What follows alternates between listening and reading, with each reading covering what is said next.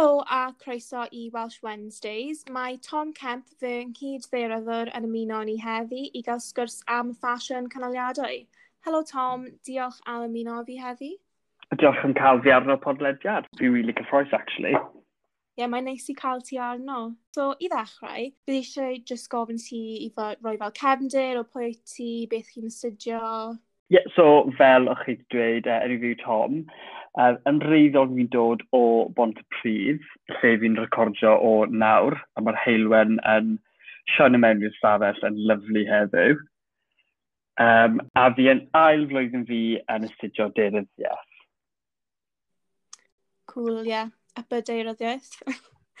so, ie, yeah, fel nes i dweud, ni'n mynd i cadw ffodaeth casual, just am fashion canoliadau, so mae'n rhywbeth dwi'n really cael fel passion mewn a dwi'n gwybod ti wedi wneud fel gwaith cwrs amdano fe a pethau gyda yeah. So, dwi'n siŵr bydd ni'n cael llawer i dweud am pob. Oh, mae llawer dy fi i ddweud am pob yn bendant. Ie, yeah, so i dechrau bant, jyst yn fel general, um, fel pam mae ganddo ti diddordeb mewn fashion, fashion canoliadau? Wel, fi wastad ti bod a diddordeb mewn ffasiwn. Um, a wrth i fi feddwl nôl nawr i'n Brendan fi, mae hwnna wedi bod yn eitha amlwg. Um, a wedyn pan swydd so gyntaf fi, o'n i'n gweithio i, uh, yn retail a fi dal yn gweithio yn retail.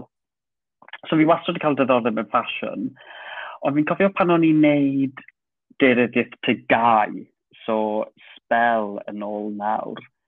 Oedden ni'n gwylio, uh, oedden ni'n gwylio un fideo a oedd yn ynglyn â globaleiddio. Ond yn y fideo yma, fi'n cofio uh, o'n nhw'n edrych ar uh, par, o'n nhw'n edrych ar un par o denim jeans.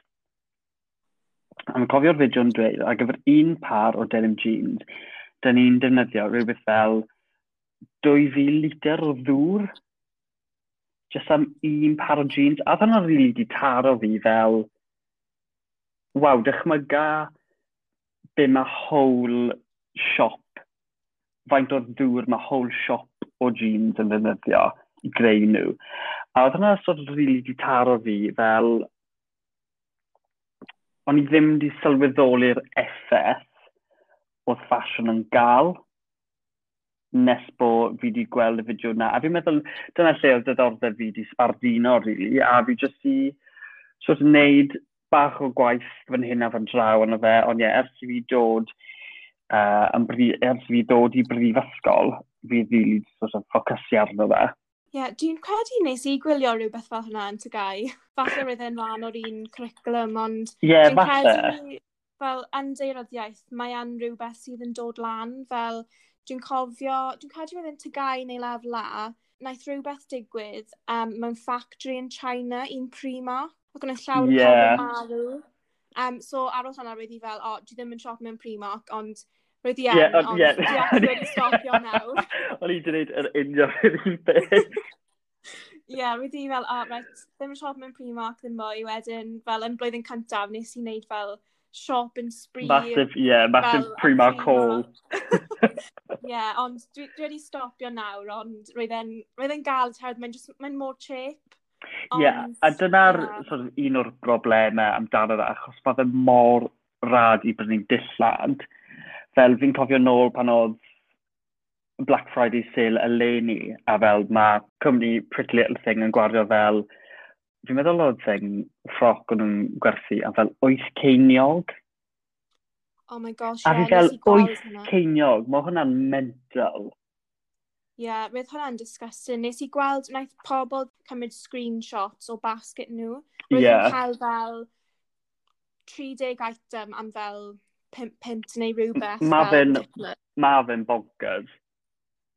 Fel, roedd hwnna really um, neud fi'n meddwl fel, faint mae pobl yn cael eu talu i creu fel yr items na? Os maen nhw'n...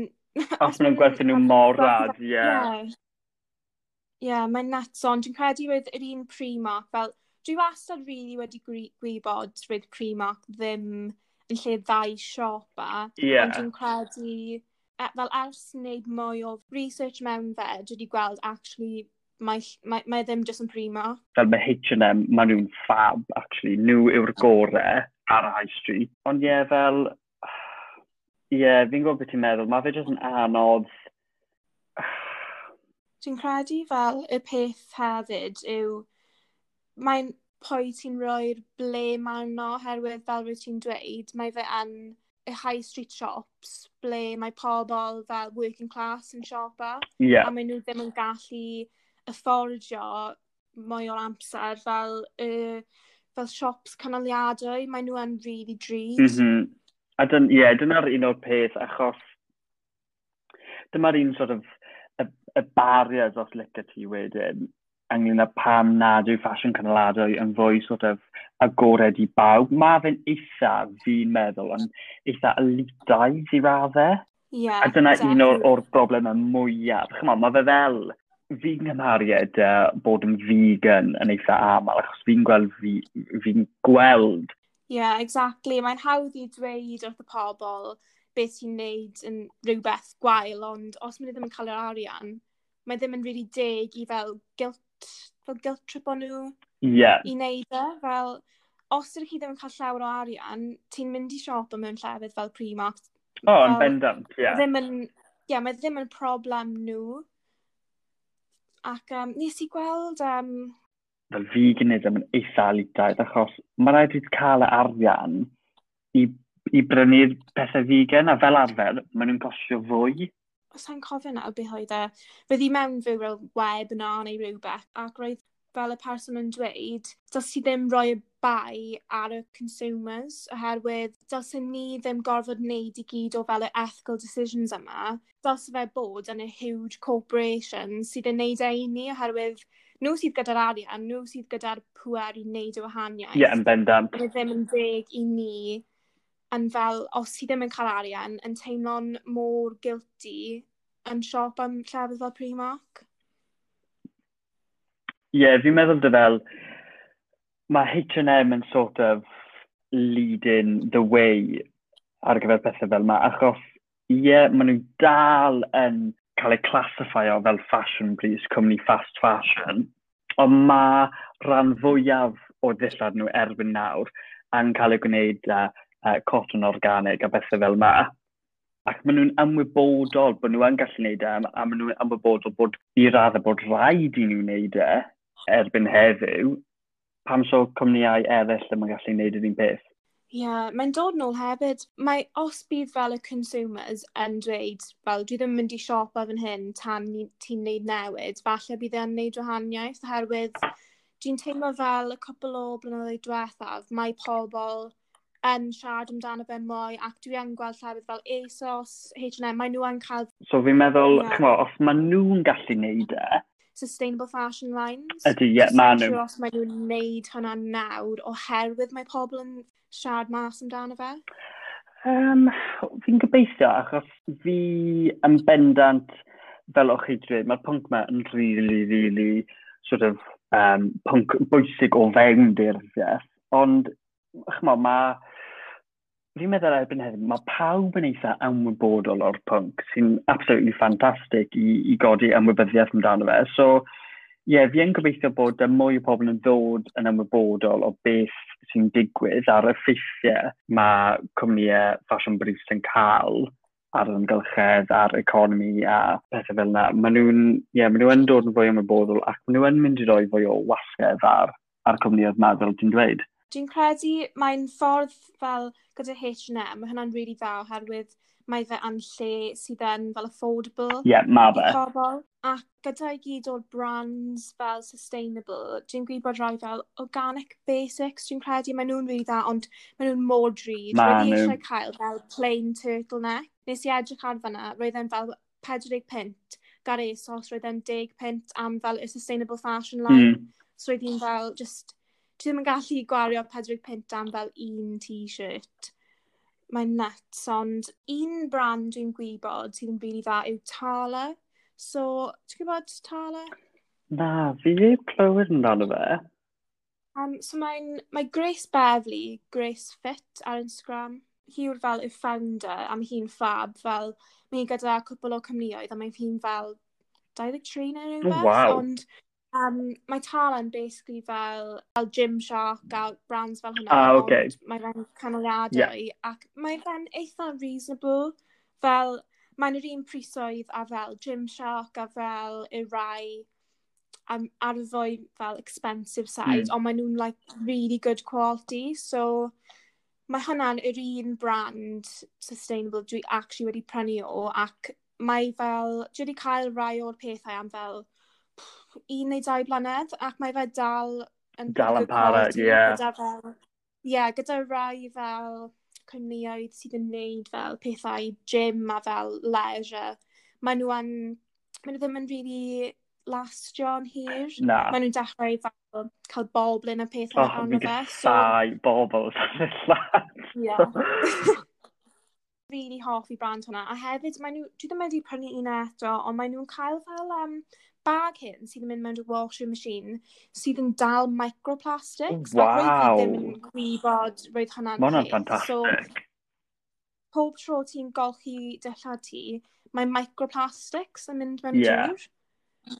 So, roedd i ddim yn gwybod hwnna, ond wedyn, mae hon, i cael fel y bag, mae'n fel 30-40 pint just i dal y microplastics. Mm. So, ti angen cael tipyn o arian i prynu rhywbeth fel hwnna, oherwydd mae ddim yn fel cael benefit i ti, mae'n just yn benefit i'r planet. Ie, yeah, bydd yn diddorol actually weld fel bai ti'n defnyddio fel faint o microplastic oedd oedd yn dal mewn fel un wash. Bydd yn rili really diddorol i weld. Mae'n siŵr ar y fel y figures, ond dwi'n credu mae'n eithaf mawr yeah. fel... Rydw i ddim yn sylweddoli beth hynna'n even thing. Fel, mae'n nuts. Ie, yeah, mae microplastics am um, literally mhob man dyddi yma. Ie, yeah, mae'n neud ti'n meddwl hefyd fel, ti ddim yn gallu bod yn cant a cant yn canoliadwy. Na. Hyd yn oed os ti'n prynu popeth canoliadwy, mae dal yn fel rhyddhau'r microplastics. So, ie, yeah, dydych chi ddim yn gallu bod yn perffaith. O, oh, na. Wel, fi, na, fi ddim yn perffaith. Fel, fel o'ch chi'n dweud, mae fe'n rili, really, rili really ddrud i brynu dillad o gwmnïau hollol gynaladwy, neu'n fwy gynaladwy na, na'r high street chains yma. Um, ond fel fi yn bersonol yn meddwl un elfen o gynaldwyedd yw i wneud beth yn bara yn fwy hyrach. So fel, er enghraifft, fi'n gwisgo Cris, okay, mae fe'n dod o top man, ond fi actually cael y Cris ma yn 5 mlynedd. So fi yn kind of meddwl fel, un o'r, os, os chi dal yn prynu o high street Brand achos y problem ariannol, mae hwnna'n ffain, as long as bod chi'n gwisgo nhw yn rili really aml a gobeithio bod nhw'n para yn rili really hir fyd. Ie, yeah, dyna'r peth fel um, mae pobl nawr yn just beth yw, mae fel, um, sa'n cofio'r ffigur, ond mae fel lifespan o fel dillad mewn wardrobe yn fel y UK yn nuts. Fel mae pobl jyst yn gwisgo rhywbeth unwaith. A taflu, ie. Neu, yeah, neu charity shop. Fel, hyd yn oed os ti'n newid fel mindset ti, ble ti'n ddim ond yn prynu rhywbeth os ti'n gwybod bydd ti yn gwisgo fe mwy na unwaith. Yeah. Hawdd mae mae llawer o pobl, dwi wedi gwneud e o'r blaen, jyst yn prynu rhywbeth am fel rhyw digwyddiad a ddim yn meddwl fel, o, oh, a dwi'n mynd i gwisgo hynna eto, fel, neu hyd yn oed os ti yn prynu fe am rhyw fath o digwyddiad, fel i prom fi, nes i, um, nes i, beth fel, gair, sal o fe ar Depop, fel yeah. dress. So, hyd yn oed os ti'n neud hynna, fel, just meddwl am fel yr afterlife math o beth o dillad ti? Ie, yeah, fi'n gwybod beth ti'n meddwl. Fi'n really lwcus achos pan fi'n prynu siwt, fi yn gallu fel mix o matcho'r trowsus a Cris Gwanol, neu fi'n gallu gwisgo fel y jacket, y jeans, so fi'n eitha lwcus. Ond ie, yeah, fel, fel chi'n dweud, fel da actual ffroc, mae fi'n rili really anodd i meddwl am sort of ffyrdd allwch chi ai wisgo fwy casual. Rent o yeah. beth ti'n gwisgo. Dwi ddim wedi wneud e, herwydd fel yn personol, bydde fi'n hoffi prynu fe a wedyn sel fe ar Depop i wneud arian fi nôl. Ie, yeah, fi'n gwybod beth ti'n meddwl. Fel, ond os mae ganddo ti digon o arian fel celebrities a popeth... Ie, yeah, fi wedi gweld, o'n i'n gweld bod Stacey Dooley wedi dechrau rent i dillad hi mas. Ie, yeah, os ti'n cael yr arian, fel, bydd hwnna'n ffab, ti'n gallu cael fel rhywbeth really neis i gwisgo am fel pob function neu rhywbeth, a ti'n ddim yn prynu rhywbeth newydd. So, mae'n syniad really dawn hefyd, fel wedi ni'n dweud, fel mae ddim yn accessible i pawb. Na, dyna'r beth drist amdano fe. Ond, um, yeah, am yeah. rent dillad a bethau fel a fi'n sôn am y bethau ni newydd sôn am, yn uh, un o fideos hamstri sy'n dod mas mis nesaf fi'n meddwl? Neu ddiwedd y mis ma. Um, so mae loads o tips, fi'n ddarnu loads o tips yn y fideo yma yn lun â siwt allwch chi bod yn fwy cynaladwy o ran eich ffasiwn.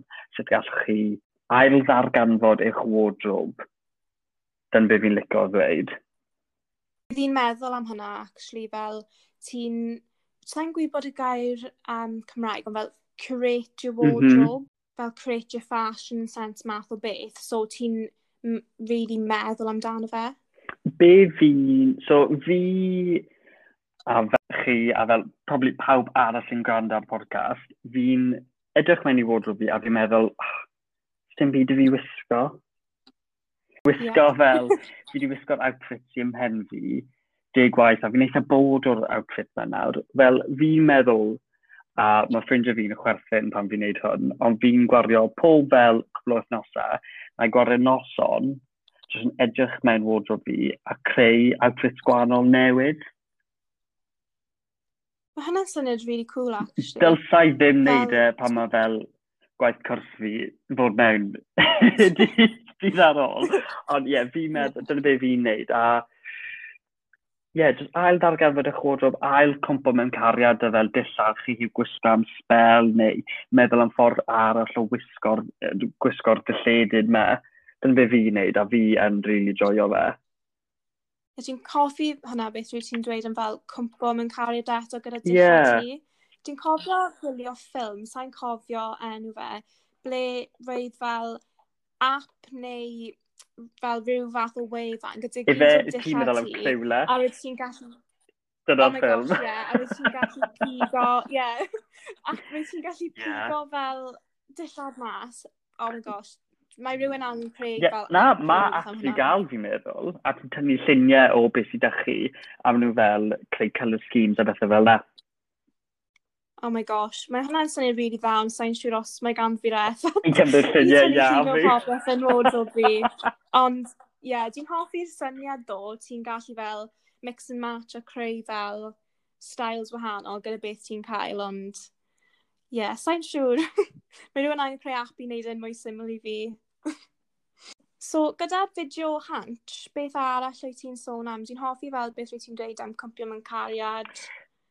gyda ddillad yeah, ti? Ie, so fel, pan o'n i'n meddwl am y fideo yma, o'n i wastad yn meddwl fel, fi wedi gweld loads o ar raglen i ddogfen a clipio fideo yn sôn am fel yr effaith na ffasiwn gyflym yn cael ar, ar y blaned, ar ymgylchedd.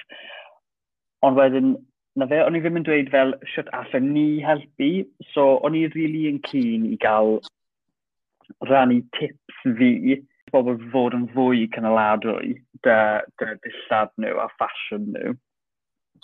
So fi e, fi'n sôn am fel ail cwbl mewn cariad y dillad chi, uh, meddwl yn, yn conscious o lle chi'n brynu eich dillad chi o. So fel ych chi'n dweud, mae Depop yn ffantastig.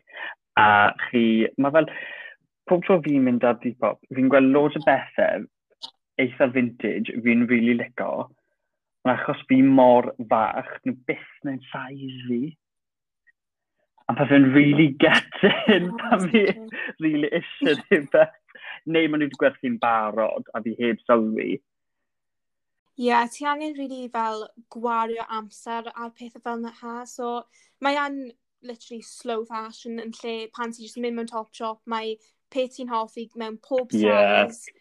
So mae yn galed, ond dwi'n credu oherwydd mae'n mor fel araf, mae'n neud i ti meddwl mwy fel ddim yn neud fel impulse buys. Ie, yeah, fi wastad, o'n i wastad yn neud impulse buys, a wedyn o'n i'n dod nôl i'r tŷ, achos yn amlwg, pan o'n i'n gweithio mewn siop, os oedd rhywbeth yn dod off y fan, o'n i fel, oh, fi licio na, mae prynu na, a fi heb actually edrych arno fe, neu fi heb trio fe arno, ond i jyst yn prynu fe. A wedyn ni wastad dod nôl i'r tŷ, a fi fel, oh, sa'n gwybod os fi'n actually hoffi hwn, neu beidio. Ond mae reol dy fi nawr, a fi wastad yn dweud hwn at ffrindiau fi, os chi ddim yn mewn cariad y dylledyn, os chi ddim yn edrych arno fe, think, I love that, cymeru fe'n ôl.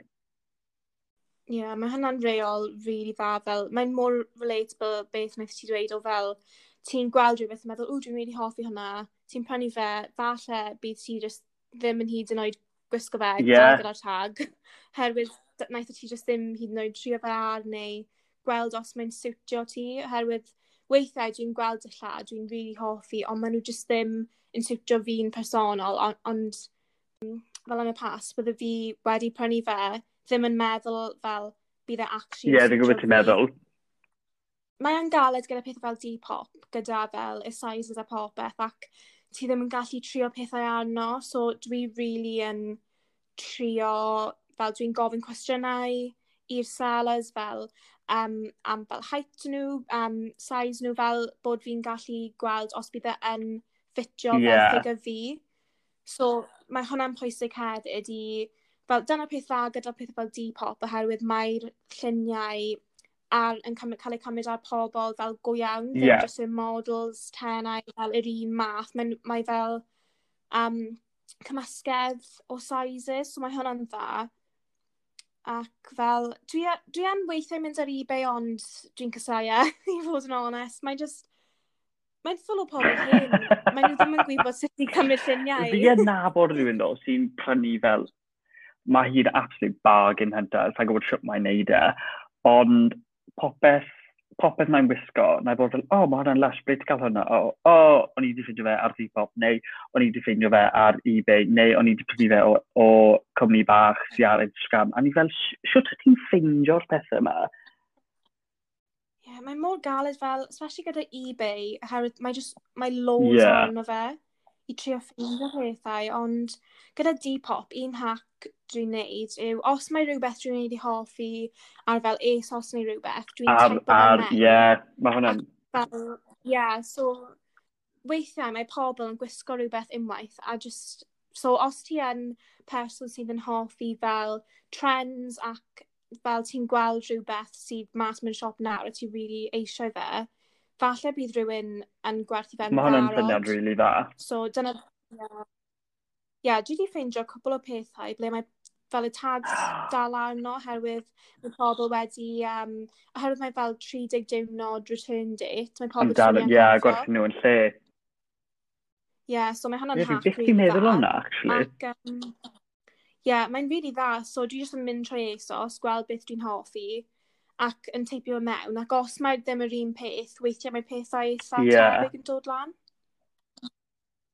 So mae hwnna'n dda am fel inspo, ac fel tip arall hefyd, fel adi pop, oherwydd ti'n gallu fel like o items, dwi'n fel mynd trwy like o pethau, wedyn dwi'n mynd nôl wedyn fel wythnos um, nesaf, ac yn mynd trwy weithiau, dwi'n fel pam oes i like o hwnna. hwnna'n just fel dreadful. Fel, mae'n fel 2am, dwi'n fel, o, mae hwnna'n neis, ac yn edrych yn ôl, oh my gosh. so, yeah. Mae hwnna'n syniad da. Just, mae'n mae nat sut mae fel un, un oes fos yn mynd teibio, ti ddim yn hyd yn oed hoffi beth yeah, ti'n leicio. Ie, mae hwnna, mae hwnna'n cael sort of roi lawr i'r sut mae trends yn, yn fashion yn newid yn barhaeth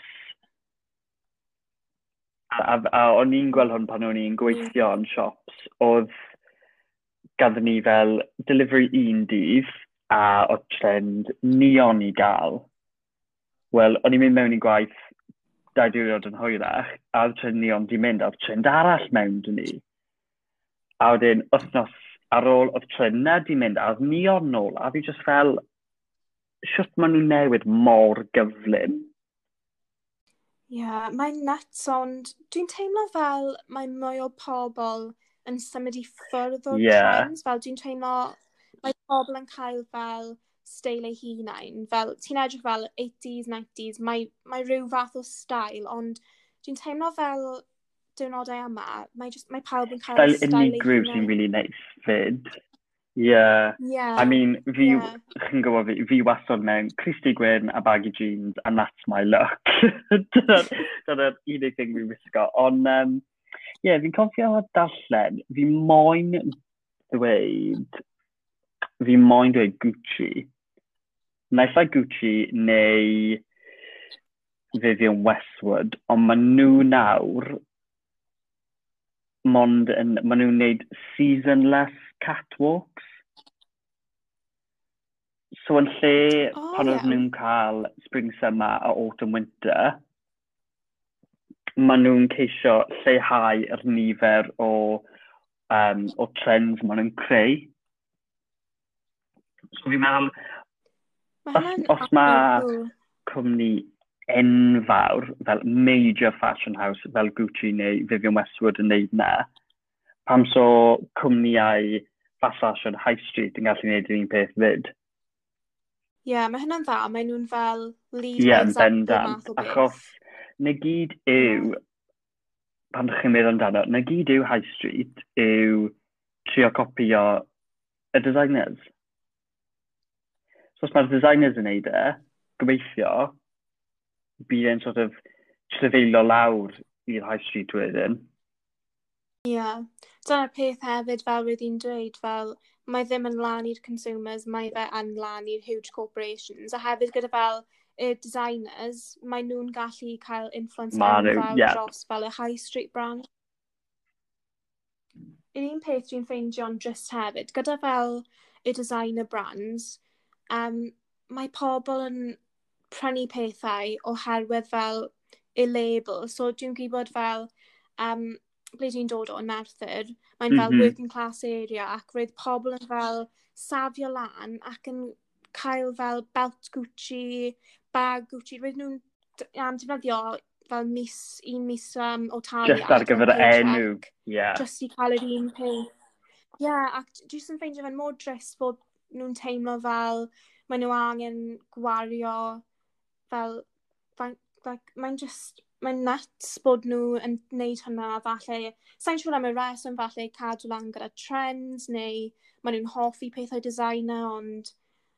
Ie, yeah, fi'n gwybod beth i'n meddwl, a pan o'n i'n fancach, o'n i yn sort of, yr un mindset o ti yn meddwl, pan fydde ti moyn gwardio 255 ar Cris T, pan allai gael yr union un Cris T yn Topshop neu yn New Look am fel 25.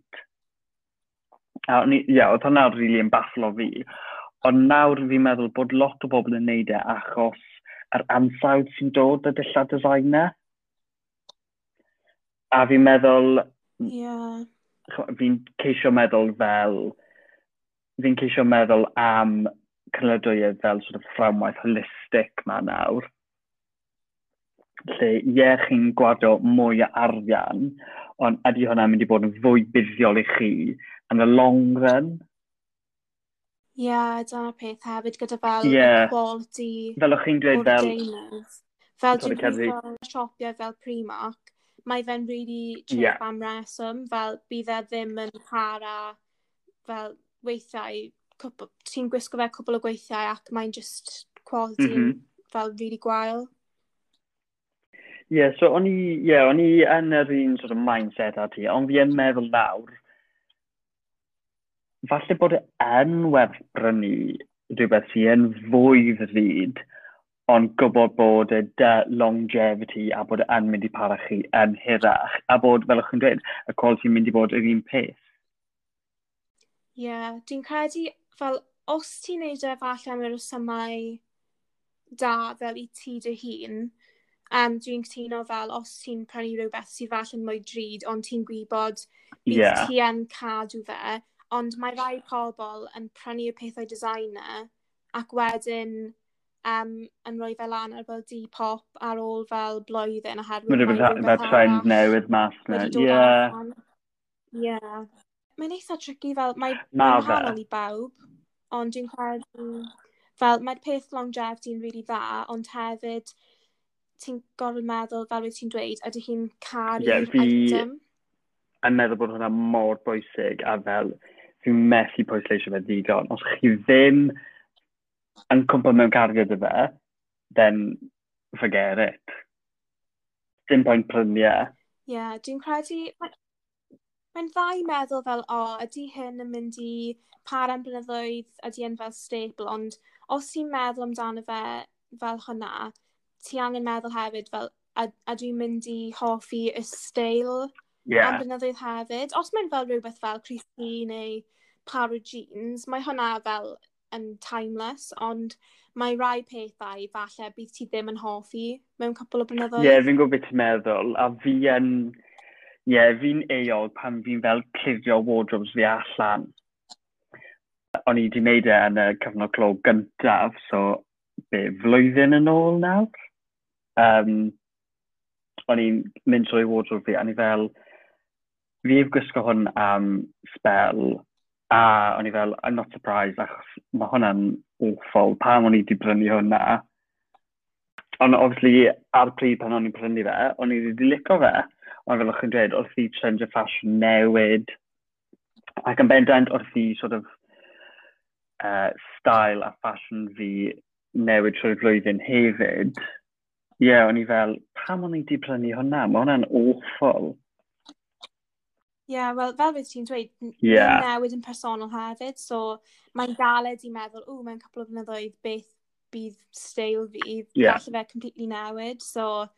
Ie, yeah, yeah mae fe'n rili, mae fe yn rili, rili anodd, ond fi wastad yn meddwl, os allwn ni wneud fel little things, just pethau bach, wedyn fel chymod, fel cymuned gyfan, gobeithio all y, all y newidiadau bach na creu, creu newid enfawr i ni.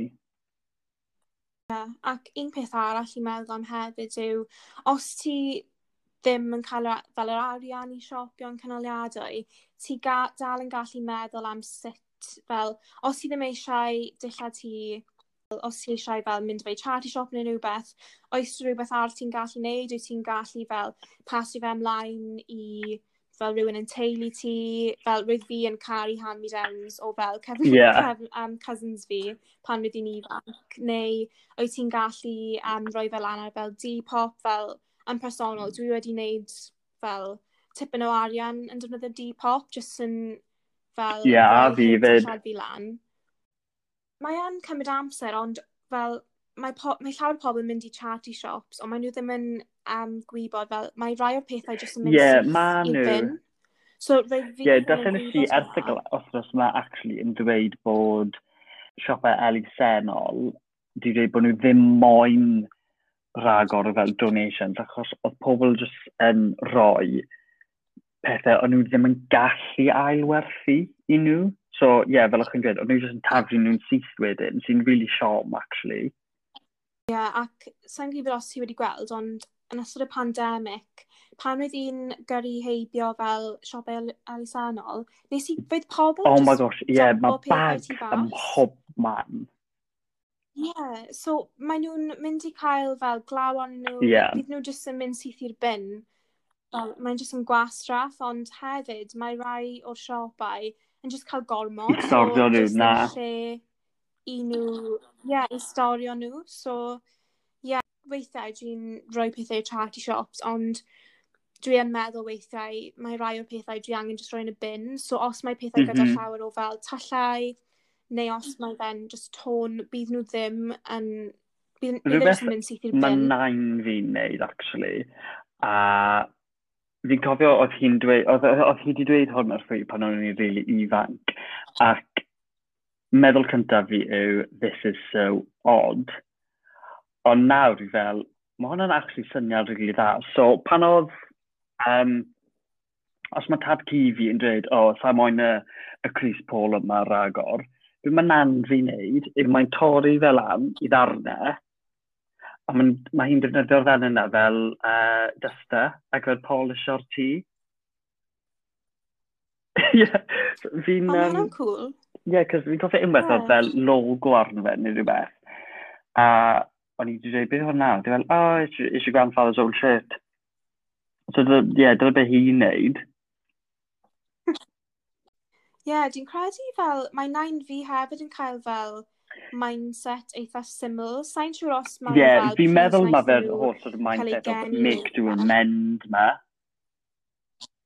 A mae hwnna'n... Ie. Yeah. Ie, yeah, mae nain fi yn hoffi fel, mae hi'n gwneud yeah, sewing a knitting a pan wyth hi'n ifanc, roedd hi'n yeah. creu dillad hi, neu roedd hi'n fel safio lan am rhywbeth roedd hi'n really hoffi.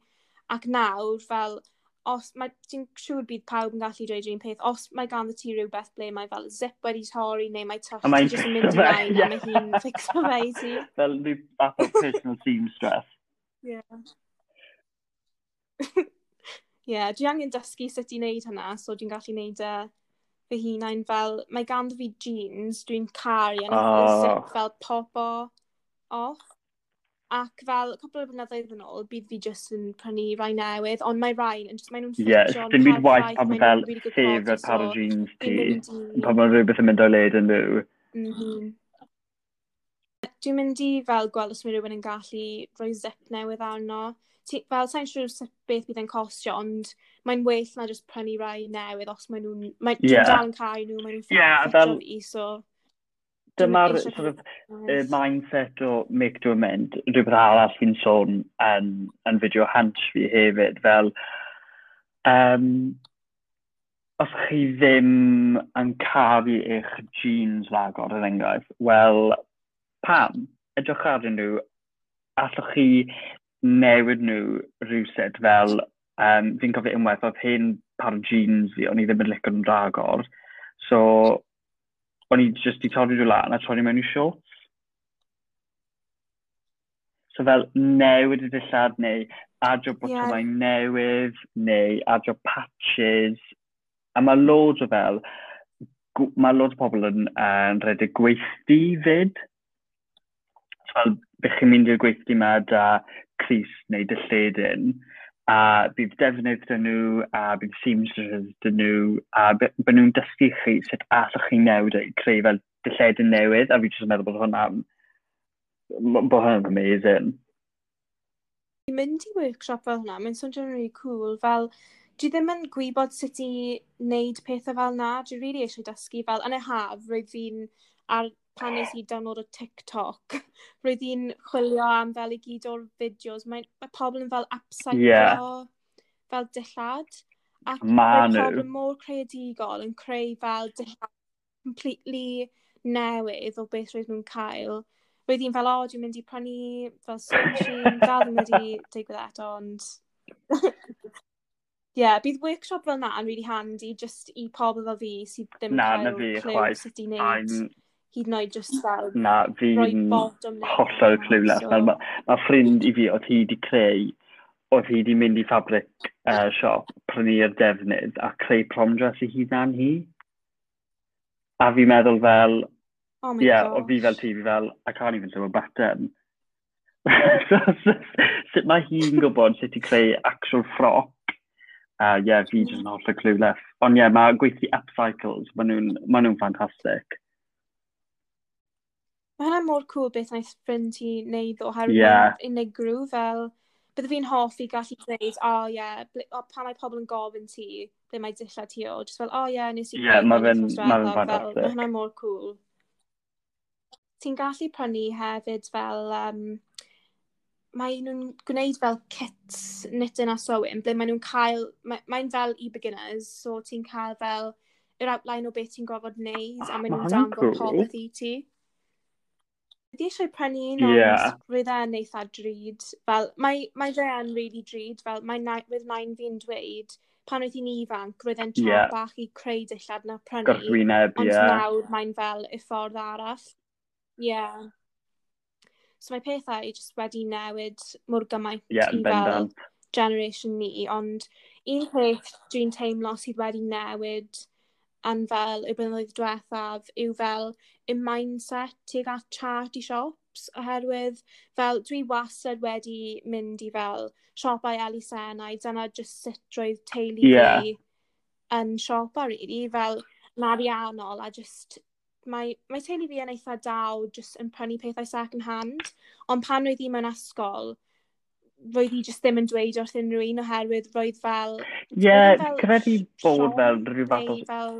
stigma tuag at cwmnïau lawr. Ie, yeah, da'r gair, ie. Yeah.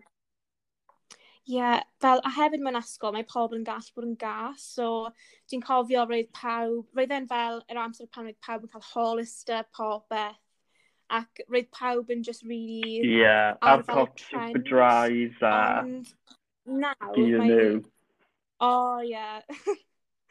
Ond dwi'n credu mae fel y mindset wedi newid nawr, a mae fel thrifting yn cool i wneud, ond hmm. mae'n peth really dda oherwydd ti'n gallu ffeindio pethau mor dda mewn charity shops, fel nes i ffeindio bag... O oh, ie, yeah, Versace, ie. Dwi'n credu ti'n dweud e? Um, Versace, ie. Yeah, wow. Um, mewn cancer research shop, mewn Caerdydd, am un pint. a nes i, ie, yeah, nes i gwerthu e a Depop am cant pint. Roedd fi... Oh, an, oh my, my gosh, no, amazing. I know. A dwi wedi ffeindio... Dwi dal yn cael e, actually, dwi ddim wedi rhoi ar Depop eto. Am top Versace hefyd, roedd hwnna'n pint yn yr un siop yn Caerdydd. Mae'n fel... Um, mae'n fel siop ar steroids. Mae'n massive. Fi'n taru. Fel... Ie. Nes i gweld e ar TikTok rhywun, a roedd e'n cael loads Chmo o views. Fi ddim, fi ddim ar TikTok. A fi ddim moyn bod ar TikTok. Fi'n gwybod yr eiliad naw lai lwyth o fe. That's it then. Fi arno fe am, am fywyd fi. Ie, yeah, mae ffrindiau fi wastad yn anfon fi TikToks so a mi fel, ti angen lawr lwyth o fe. Ond, ie, yeah, mae loads o fel tips a, fel chi'n dweud, mae tips upcycling arno fe. Fi wedi clywed o'r ffrindiau fi i gyd bod loads o tips gwahanol i wneud siwc gymaint o gwahanol bethau. Fi'n meddwl bod yn actually fab. Mae fe'n really addictive ac dyna pam roedd fi ddim eisiau cael e. Ac roedd rawd a chwaer fi sydd yn ifancach, roedd nhw wastad arno fe, so roedd yn fel, o, oh, mae'n yeah, just i'r youngsters. Ti'n teimlo'r hyn, Casey? Ie, dwi'n dwi rili... Ie, yeah, mae'n rili dda ddo. Oherwydd mae'n fel, mae'r algorithm yn ah, dangos ah, ti beth ti'n hoffi. Ie. Yeah. So, dwi wastad yn gweld, fel, yeah, mae loads o pethau fel dillad yn dod lan. Mae hwnna'n cool. Upcycling y pethau, so Ie, yeah, yeah. ti'n gallu llawer o amser yn fe. So, ond ie, yeah, mae o'n really dda, ond fel gyda charity shops o pethau, ti yn gallu ffeindio pethau really cool, a dwi wastad yn gweld fel TikToks, YouTubes, o fel thrift flips. Oh, wow, oce, okay, ie. Yeah. ffeindio. Ac um, gyda ymdeiryddiaeth, dwi'n gwybod fel touchy subjects, naeth ti ddim... Ie, fi dal yn actually crio amdano hwnna, so... Um, o, dwi'n really Jenny dros blwyddyn ti, ond oh, aethon ni i Efrog Newydd, ac oh my gosh, roedd really? y shanty shops yn amazing. Nes i ffeindio, literally roedd suitcase fi yn llawn o just fel, roedd pethau mor cool. Nes i ffeindio fel um, jumper fel New York Yankees neu rhywbeth a just fel really cool stuff ac oedd e'n really cheap. Mae nhw'n cael shops, mae nhw'n fel chains. Ie, yeah, fi'n gweld beth um, ti'n meddwl. Chart shops. Kind of fel hobos yn dre. Yeah. Fel mae hobos yn Abertawe, Ond... mae hobos yn Gardydd. Ie. Yeah. Ie, yeah. so mae'n fel charity shop, ond nice. mae fe'n mwy fel vintage shop, fel yn glad yma, mae Mae, mae siopau Elisen yn cael fel yeah. arogl fach. ac mae nhw just ddim, ddim yn aesthetic ac, ie, yeah, fel yn um, America, dwi'n teimlo fel, mae'n fel siop yn cael fel mannequins o roi... Ie, fi'n gwybod beth ti'n meddwl. Um, dillai Ond fel, fe, so mae popeth yn well yn America. Fi'n meddwl, heb law am llywydd nhw dros y pedal mlynedd diwetha. Yeah. And ar rhan i fe, fi oh, yeah. yn meddwl, oh, mae America mor, sort of, mor cool. Mae e'n galed oherwydd dwi'n gwybod pan roedd hi'n siop a fel, mae'n top shop neu rhywbeth, pan roedd sale, roedd yn stres o fi mas mor yeah. gymaint oherwydd roedd sizes, pob man, a nawr yn charity shops, mae popeth just yn mixed. So, ti rili really angen cael yeah. mindset o just mynd trwy fe. So, ie, yeah, mae'n newid mindset ti a hefyd... Ie, yeah, yn bendant. Trio wneud yn mwy hoelus hefyd, dwi'n credu.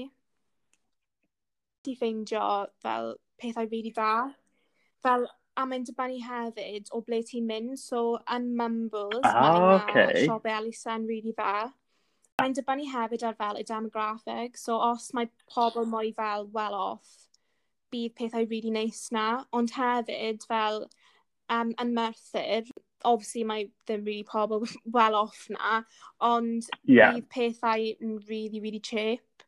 So bydd nhw'n cael dillad arferol high street am fel pint. So, yeah, ti'n gallu ffeindio pethau dda. Ie, yeah, just cael yr amser, a fel chi'n dweud, y mindset o eisiau edrych a trio mwynhau edrych, ryd. Ond ie, yeah, fi yn gobeithio fel yeah. bod mwy o bobl yn mynd i dechrau siop o'n ail lawr a bod y stigma yma yn ymwedig da fel pethau fel Depop, lle maen nhw mor hawdd i brynu pethau, bod y stigma o gwisgo ail lawr yn, yn diflannu. Yeah, dwi'n credu hefyd, yeah. mae'n gwybod ble i siopa, so mae llawer o apps nawr, nes i download o Vinted oethnos diwethaf, ac mae hwnna'n um, un yeah. dwi'n trio fel dal i gweithio allan. Gweld actually, fi'n meddwl. Ie, yeah, roedd hi'n gweld ads amdano fe yeah. amser, so roedd hi'n just meddwl fel, give it a go. Helo eto. Helo. oh my gosh.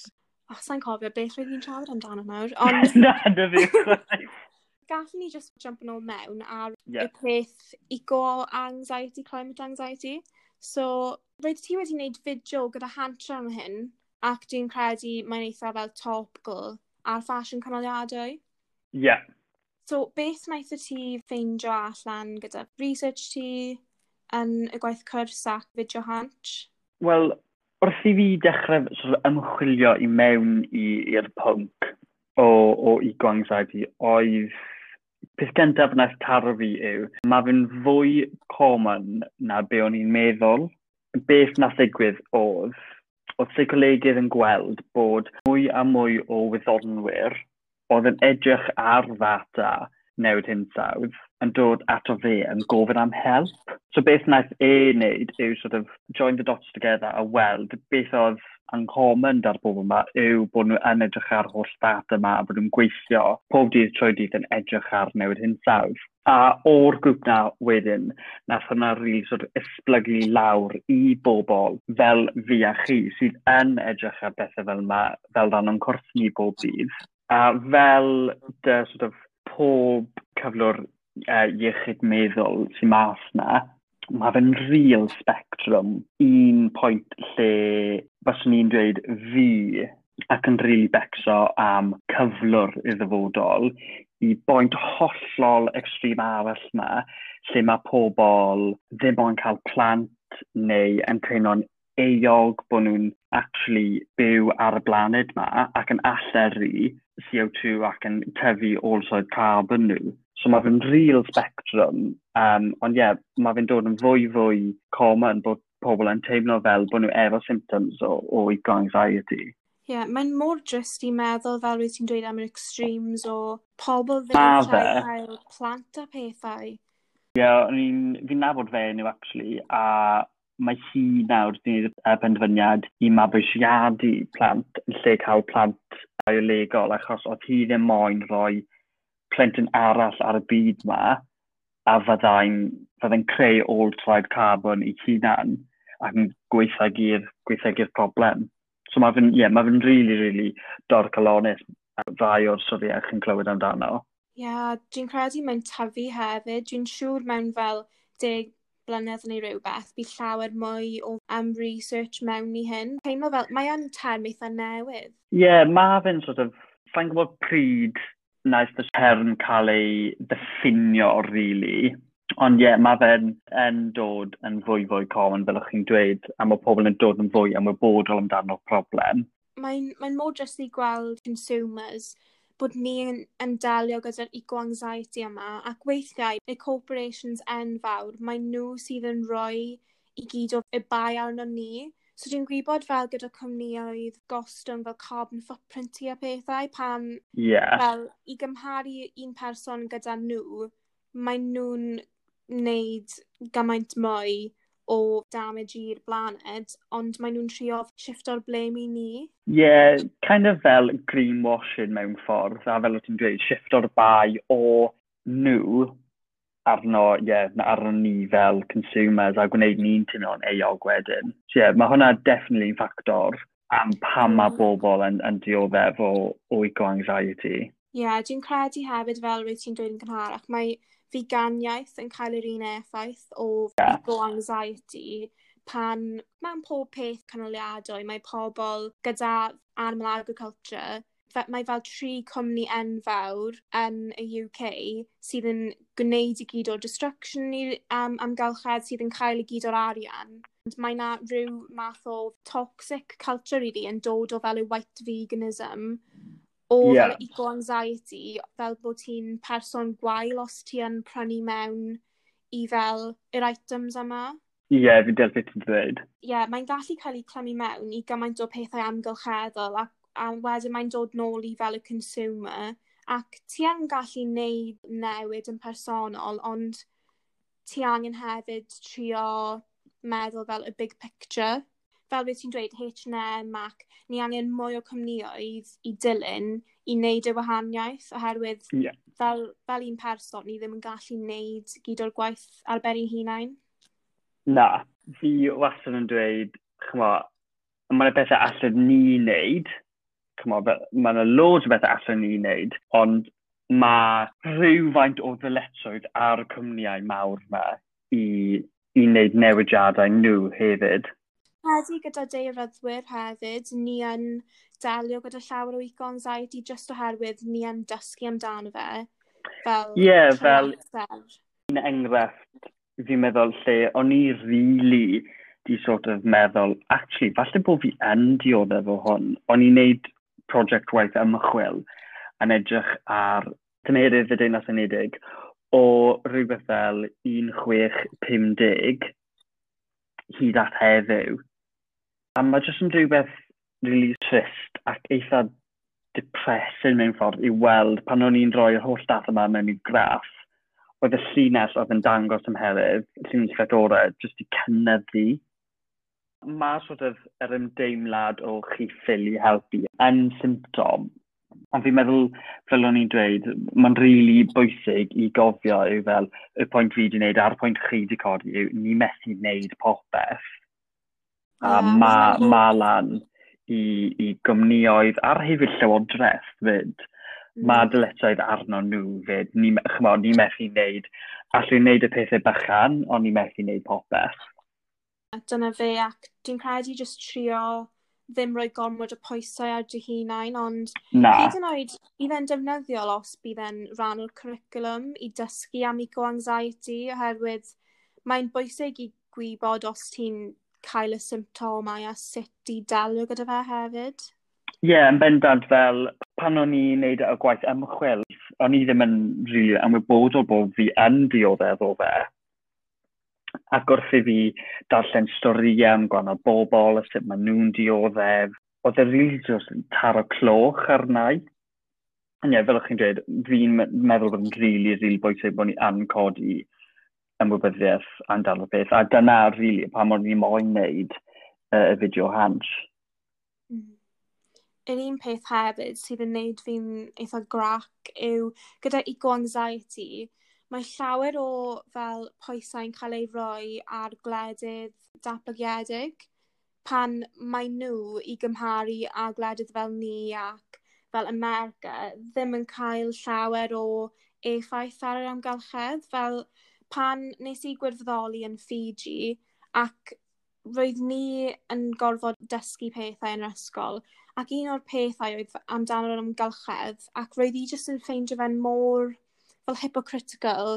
Roedd ni'n dweud o oh, paid um, taflu plastig yn y môr.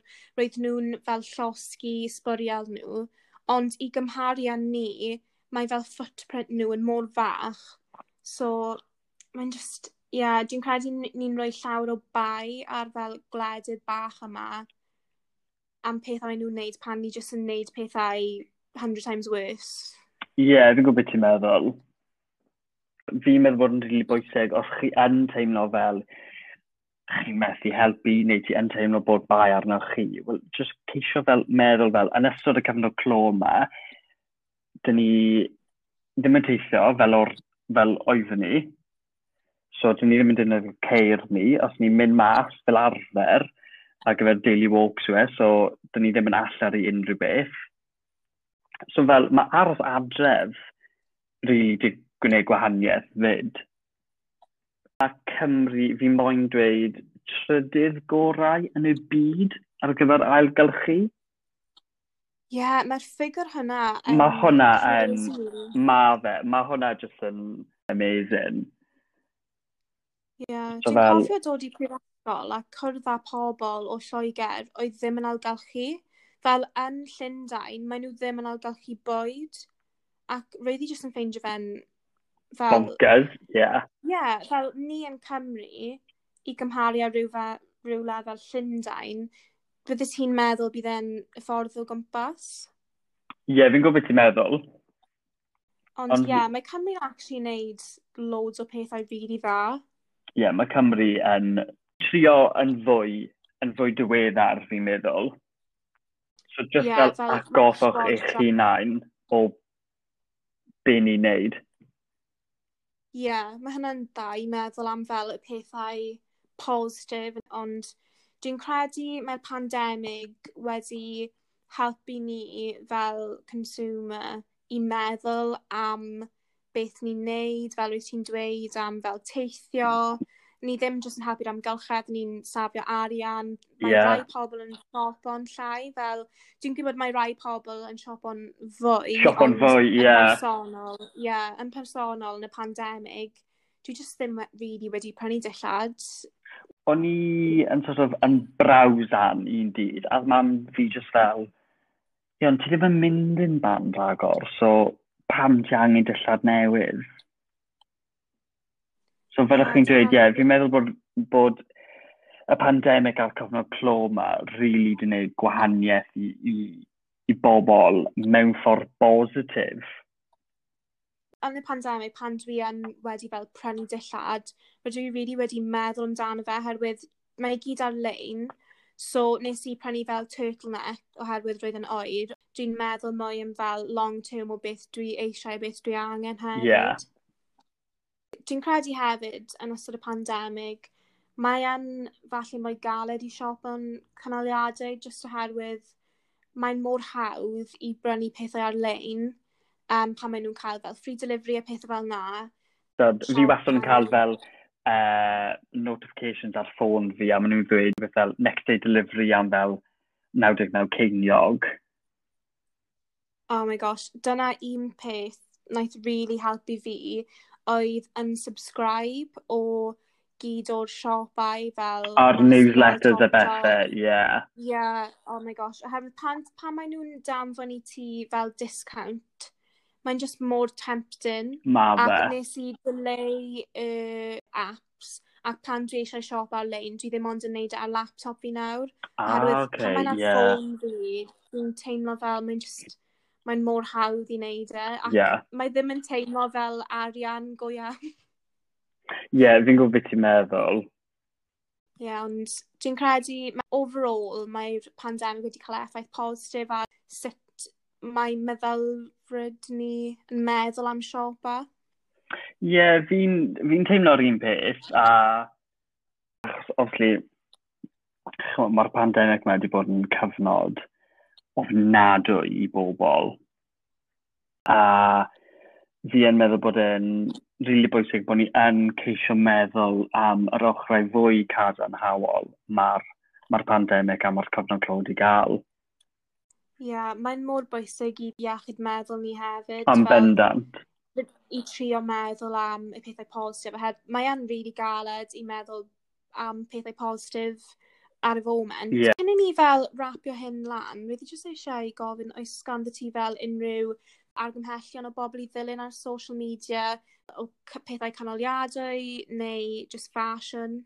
O, oh, wel, um, os chi yn Abertawe, mae hobos Abertawe efo account a maen nhw'n postio fel cwpl o bethau sy'n newydd yn y siop. So fi wastad yn cael look arno nhw. Mae vintage shop newydd fyd ar Instagram Ravs Online ydyn nhw, uh, Retro and Vintage Store. Oh, yeah. A maen nhw yn gwerthu tons o bethau uh, fel vintage Tommy Hilfiger, vintage Burberry, mae loads na. A maen nhw wedi really adapto yn ystod y cyfnod glo yma i gwerthu mwy ar-lein fyd. So maen nhw, os maen nhw'n cael fel delivery, maen nhw'n posto beth maen nhw'n cael ar uh, Instagram stories nhw. Maen nhw'n um, student-owned hefyd. Ah, ydyn nhw. Ie, yeah, mae myfyrwyr am Prifysgol Abertawe. Un arall ynglyn â'r upcycle yma yw Up Style Club. Cyfrif uh, fenyw o'r enw Claire Isiwe, a mae hi'n eco-stylist. A mae hi yn dangos chi sut allwch chi ail greu bethau, neu sut allwch chi buy the look mewn ffordd canoladwy. Mae hi'n amazing. Oh, mae hynny'n swnio'n really cool bydd i angen dilyn hi. Dwi'n credu fel yr un bydde fi'n argymell yw stop o siop o mewn Primark pan fel mae pethau ni'n neud yn effeithio mwyaf ar pobl o lliw. O'n i wedi dechrau dilyn nhw tua flwyddyn yn ôl pan nhw wedi dechrau sefydlu a maen nhw jyst yn gwneud gwaith ac ymchwil ffantastig. Mae un arall, dwi'n credu mae'n Black Geographer. Mae hynna'n rili really dda. Ie, yeah, maen nhw'n ffantastig um, hefyd. So, yeah. so mae hynna'n fel, mae'n i deiryddwyr, ond mae'n ddau pobl sydd just yn actif o ran fel yr amgylchedd a climate change a pethau fel yna. Ie, yeah, a fi'n meddwl fel yn ystod y flynyddoedd diwethaf, mae materion deiryddol a materion amgylcheddol di rili really dod yn fwy poblogaidd y sort of, y poblogaeth cyffredinol. So, ni'n dod lan i diwedd y podlediad. So, i gorffen pob podlediad, dwi'n neud rhywbeth random, really, oherwydd yr enw yw Welsh Wednesdays. Yeah. So, beth yw eich hoff gair Cymraeg a pam? Mae hwnna mor anodd. Un o hoff geiriau fi yw um, chwerligwgan. A mae chwerligwgan yn meddwl uh, carsel a fi ddim yn gwybod pam fi lico fe siwt gymaint, ond fi jyst yn meddwl bod e'n ffab i ddweud, chwyrglu gwgan. Ie, yeah, mae'n swnio'n fi. Ie, yeah, gair hollol random. Fi probably ddim yn mynd i ddefnyddio mewn brawddeg pob dydd, ond ie, yeah, fi jyst yn caru'r gair dda.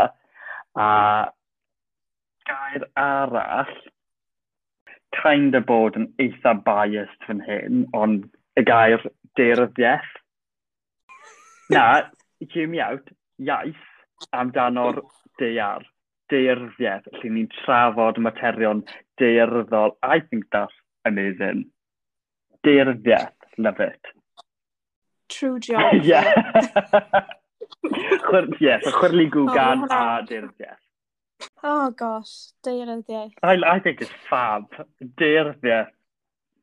Fab word. Doedd hi ddim wedi meddwl Na, i fod yn... fel hynna. Uh, feddwl yn lefel A nes i meddwl amdano fe.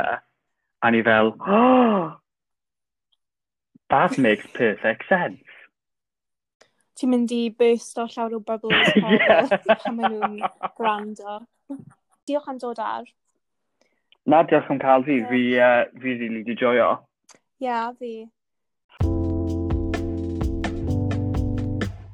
A gawod hyfryd na ar ôl rhedeg, a dyna beth oedd ryn dy 5K cyntaf. Dim mwy o swatcha ar y soffa, rwy ti'n bencampwr rhedeg, ti'n heiddi medal. Neu o leiaf rhywfaint o siampw fancy sian. O na, mae'n wag. Well i ti gael gwared ar y dystiolaeth. Na, nid i fyn yr ystafell molchi, dwi ti ddim yn anifael. I'r bin algolchi ati, ar o ran hygol y 5K, dangos di'r botel siampw na pwy di'r bos. Mae'r rhan fwyaf o bobl Cymru yn ailgylchu. Bydd wych. Ailgylcha.